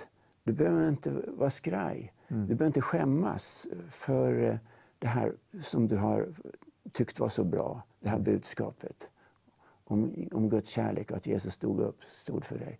Så vi uppbyggde de här och liksom tränade de här. Det var liksom som de gick på fotbollsträning eller simträning eller hockeyträning. Men här gick de på träning i livet, eh, i, i det nya kristna livet. Precis. Så att eh, sen liksom, vi fick med dem och, och från början så var det liksom inga som ville komma på ungdomssamlingar. Men när vi hade också haft, eh, efter de hade konfirmerats så liksom fick vi med eh, ungdomar att eh, då komma med på ett läger under eh, nä, nästan en vecka. Paddelläger. Vilka vill med på paddelläger? Och kolla på varandra. Utan då, ett litet knep, då visste jag. Jag kunde fråga så här utan att vara oärlig. Jag vet att eh, eh, Kalle och Oskar, de vill vara med på det här lägret. Eh, och eh, sk- skulle inte ni också? Frågar jag de här två andra. Stina, och- Stina och Veronica, skulle inte ni också? Oh, oh. Så gick jag tillbaks till eh, Kall, Kalle och Oskar. Vill ni vara med? Eftersom eh, eh, Stina här och den andra, de ville vara med. Oh. Så, så där kunde man liksom få ihop ett gäng. Och vi, vi fyllde åtta kanoter och var 16 stycken då, inklusive några ledare. Och från det där lägret så också byggde vi en gemenskap. Efter lägret nästa fredagkväll, vi var några som hade försökt ta bilder. Kom tillbaka, nu ska vi se på bilderna från lägret. Alla ville se på bilderna från lägret, se sig själva. Och eh, så bara på eh, fredag kväll efter fredag kväll blev det i, i eh, Salems centrum. Wow. Och eh, nere i, i Rönninge vid stationen Björktorp hette det. Så på den vägen var det och eh, efter några år så eh, till och med klockan 11 på gudstjänsterna, en, en vanlig liksom, gudstjänst, där satt de här. Och folk, i- alla i liksom församlingen började se, liksom, oj då, att den börjar fyllas. Smak på Guds rike. Mm. Jag tänkte att eh, du, du har varit präst nu många år i Stockholm city. Mm. Eh, om en liten stund här så ska du få dela lite rätt in i kameran ifrån ditt, hjärta. Men vad, vad ser du är en, den, en, eh, hur ser du på den andliga situationen i, i vår huvudstad? Både det som är, är en stor utmaning för oss, eh, men också då vad, vad det utmanar kyrkan till. Mm. Vad, hur, Vad är det du ser? Från ditt perspektiv. Jag ser att eh, kyrkan eh, med vårt budskap, alltså varje kristen. Eh, det, det sitter säkert många kristna och tittar på det här programmet. Varje kristen har ett öppet mål. Eh, det är bara att eh, peta in bollen. Mm. Jag, jag menar i den bemärkelsen att eh, människor är så pass eh, hungriga efter svar. Och du och jag, vi har ju upptäckt svaret. Mm. Så att eh, bara vi fortsätter och berättar eh, vad vår kristna tro har att ge Mm. eh, så, så tar människor till sig det. Och eh, Klara kyrka, eh, den var stängd.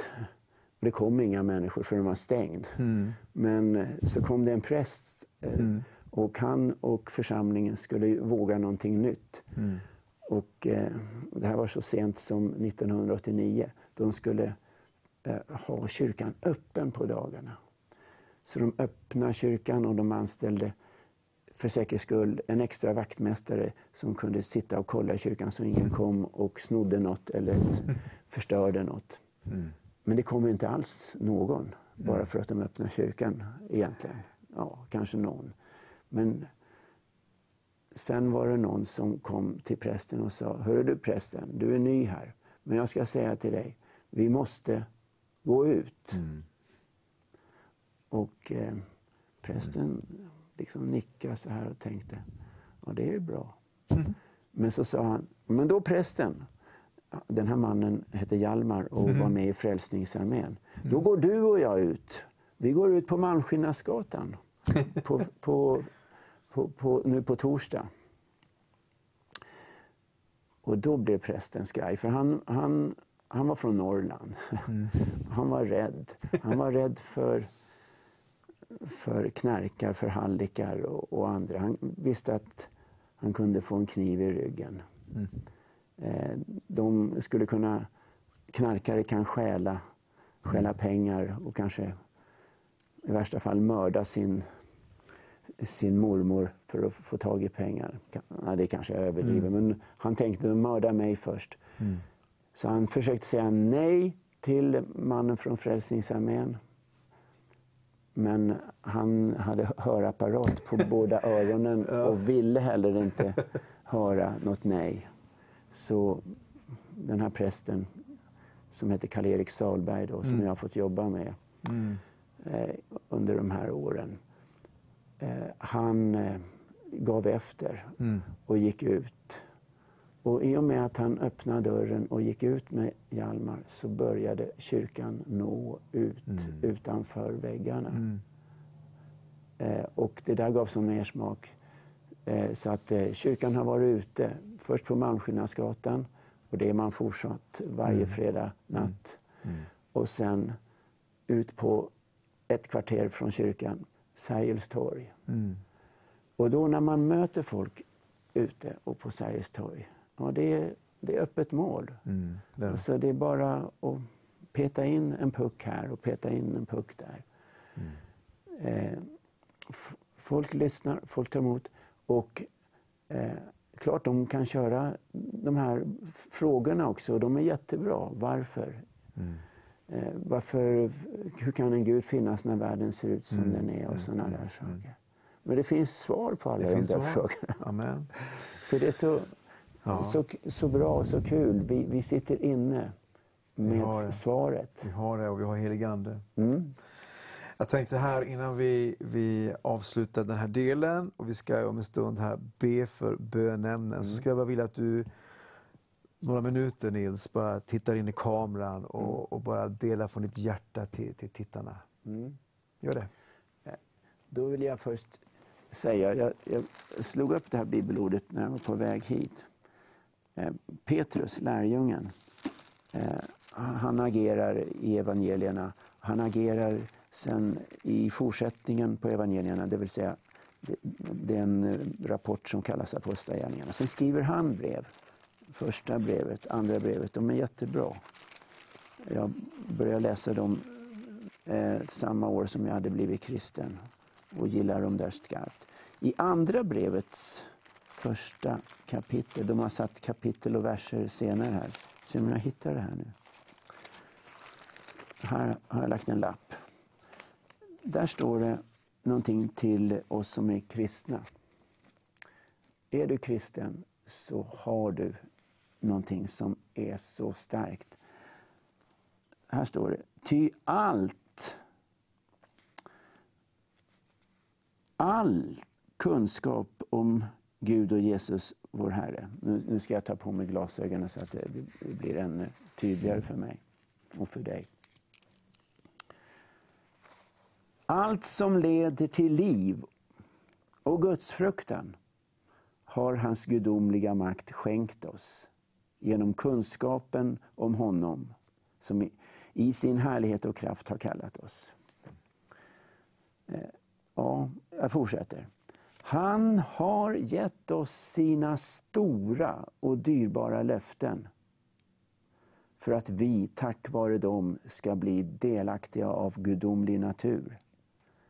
Sen vi undkommit det fördärv som begäret drar med sig i denna värld. Du och jag som kristna, vi vet ju att vi har sluppit undan eh, en massa eh, fördärvliga saker. Eh, allt det där som vill eh, dra, dra ner oss, känna oss misslyckade. Vi har fått kunskap och då måste vi liksom ta till oss det, hålla fast vid det. Att det, det gamla är förbi. Vi behöver inte gräma oss. Ah, jag borde ha gjort mer. Jag skulle ha varit si eller sån. Nej, lämna det. Du är, är en ny människa och du förnyas, står det också på ett annat ställe, dag efter dag. Så kom igen. och det brukar jag säga till mig själv. Kom igen Nils. Eh, var inte rädd på något sätt, och det tror jag inte det är. Men man, man kan vara lite blyg. Man, man, kan vara lite för, för försiktig. Men när du står där och liksom plockar upp eh, en sak som eh, kunden framför dig har tappat i, i snabbmatskön.